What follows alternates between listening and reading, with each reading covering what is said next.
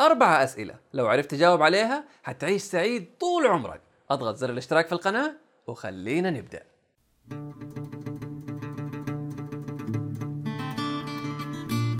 معكم حسين الحباب. ألتقيكم في بودكاست لاسن اللي نتكلم فيه عن مهارات التواصل والإلقاء. فأهلا وسهلا بكم.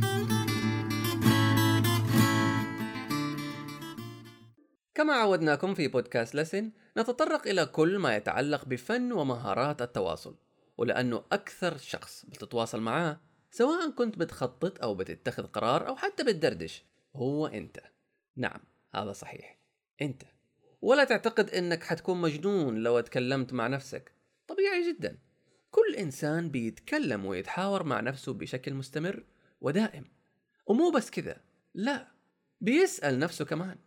وفي هذه الحلقة حنتعرف على أربعة أسئلة. لو سألتها نفسك وعرفت تجاوبها حتعيش سعيد لآخر نفس في عمرك. وإذا مو مصدقين اسمعوا القصة.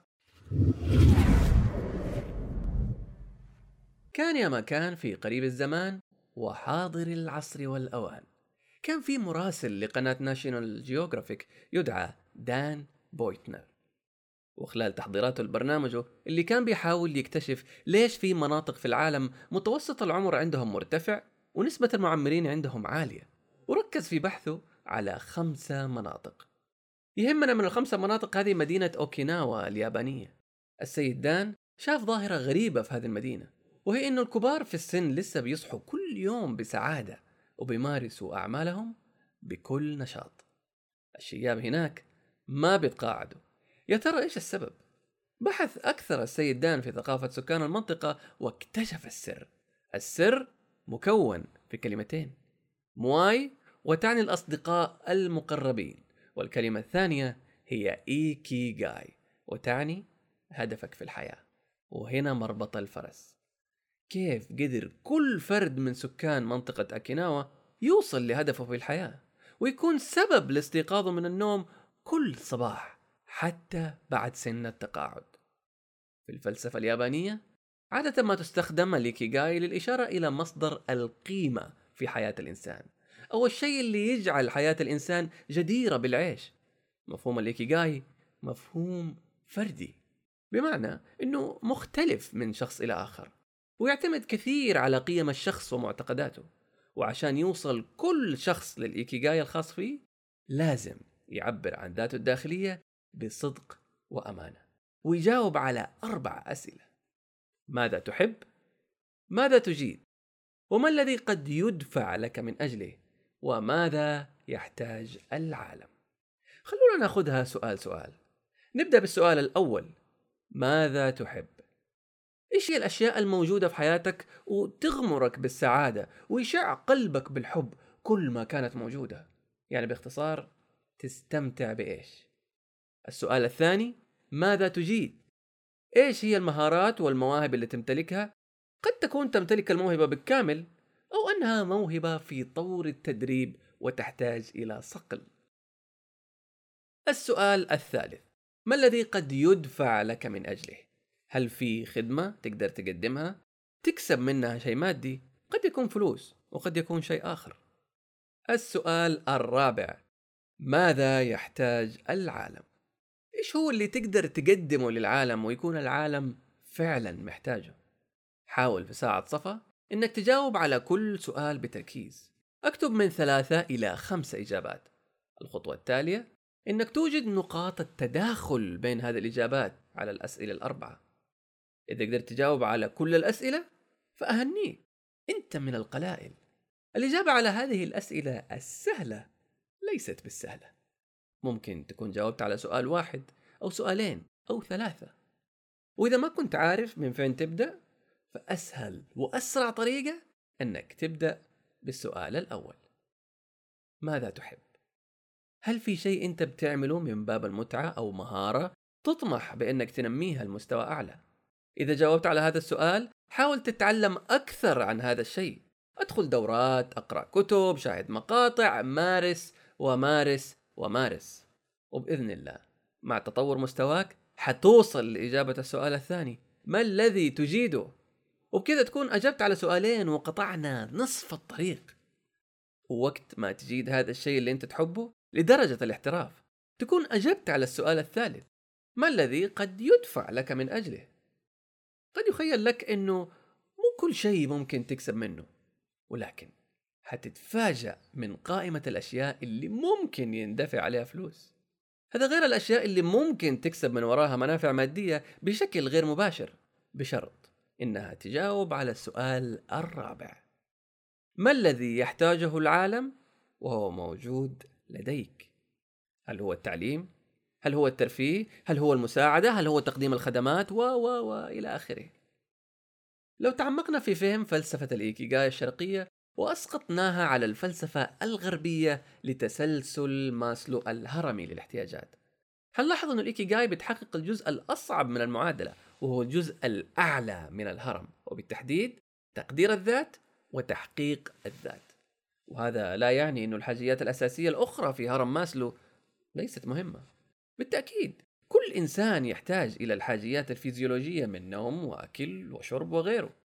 ومن ثم إلى الحاجيات الخاصة بالأمان الجسدي والوظيفي والأسري. ومن ثم تحقيق الحاجيات الاجتماعية من عائلة وأصدقاء. هذا مشابه للي ذكرناه في الثقافة اليابانية باسم مواي وعشان نكون واقعيين قد لا يصل الكل إلى إيجاد الإيكيغاي الخاص به حتى بعد الإجابة على الأربع الأسئلة. أو بشكل أدق أنك تحصل إجابة واحدة لكل الأربعة الأسئلة. بس خلونا متفائلين. لا بأس إذا ما وصلت الآن. أهم شيء إنك تستهدف نقاط التقاطع بين الإجابات وبتحقق أكبر قدر من الإنجاز فيها. ومع الوقت حتظهر عندك الإجابات الثانية وتظهر نقاط تقاطع جديدة. وبإذن الله حتتكون معاك إجابات تتقاطع مع الأربع الأسئلة. لاحظ أني قلت إجابات وليس إجابة واحدة لأنه من الخطأ الاعتماد على شيء واحد فقط. فلو لا سمح الله حصل ظرف منعك من تأدية الإيكيغاي الخاص فيك عندك واحد ثاني. ضروري يكون في توازن بين الأربع الأسئلة لأنه إذا ما اكتملت الإجابات حتشعر دائما أنه في شيء ناقص. على سبيل المثال إذا وجدت إجابة مشتركة بين سؤالين بس فأنت ما وجدت شغفك في الحياة وإنما وجدت إما هواية أو احتراف أو مهنة أو مهمة. أما إذا وجدت إجابة مشتركة بين ثلاثة أسئلة فقط من دون السؤال الرابع برضو ما وصلت لهدفك أو الإكيغاي الخاص بيك. إنما وصلت إلى عمل يشعرك بالرضا الداخلي ولكن راح تشعر إنك غير مفيد للعالم. أو عمل يشعرك بالراحة مع وجود فراغ داخلي. أو عمل يشعرك بالمتعة والرضا عن النفس ولكن ما راح تشعر باستقرار. أو عمل يشعرك بالسعادة والاكتمال ولكن ما راح تحصل منه أي مردود مادي. ونصيحة حاول إنك توجد إيكيغاي يستمر معاك طول حياتك. البعض قد يكون هدفه في الحياة متعلق بالعمل زي الموظفين أو حتى الرياضيين. فتلاقيه بيصحى كل يوم ويؤدي مهامه بنشوة عالية وعلى قلبه زي العسل إنه يعمل ساعات إضافية. هذا الشخص حيكون ناجح في عمله وممكن يوصل لمراتب عالية لكن المشكلة راح تظهر على السطح بعد التقاعد. فجأة إحساس بالفراغ وخسارة المكانة والأهمية حيسبب أثر نفسي كبير وقد يكون مميت. لكن هل هذا معناته إذا ما اكتشفنا الإيكيغاي في سن مبكر فالقطار فاتنا؟ بالتأكيد لا. الكثير من المتقاعدين اكتشفوا ذاتهم بعد سن الستين وعاشوا حياة مليئة بالشغف. فبالنسبة للموظفين اللي طبيعي يكون عملهم بعيد عن مجال شغفهم لا تنجرفوا ورا العبارات الرنانة اللي بتنادي بترك الوظيفة والجري وراء الحلم. لا استمر في عملك. وبعد ساعات العمل مارس شغفك في الحياة. اعتبر كأنه عمل جزئي أو ما يسمى ب part time ikigai. قد تكون في البداية مجرد هواية ما وصلت لمرحلة إنه الناس ممكن تعطيك فلوس مقابل خدماتك. وحتضطر في بداياتك إنك تصرف على تكاليف تطويرك للمهارات اللازمة لهدفك في الحياة. وإلى ما توصل لمرحلة إنه هدفك هو اللي يصرف عليك. حتحتاج إلى مصدر دخل ثابت إلى ما توجد مصدر بديل وأخيرا خلاصة القول في الفلسفة اليابانية إيكي جاي عشان يوصل الإنسان إلى هدفه في الحياة لازم يسأل نفسه أربعة أسئلة ماذا أحب؟ ما الذي أجيده؟ ما الذي يمكن أن يدفع لي لأقدمه؟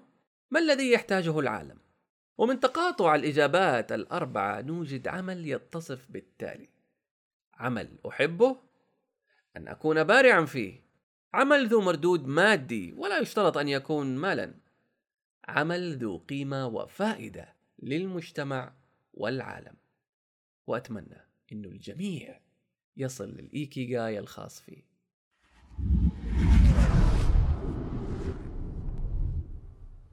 إذا أعجبتكم الحلقة لا تحرمونا من الضغط على زر الإعجاب والاشتراك في القناة ليصلكم كل جديد. ومشاركة الحلقة لأي شخص لسه ما اكتشف هدفه في الحياة.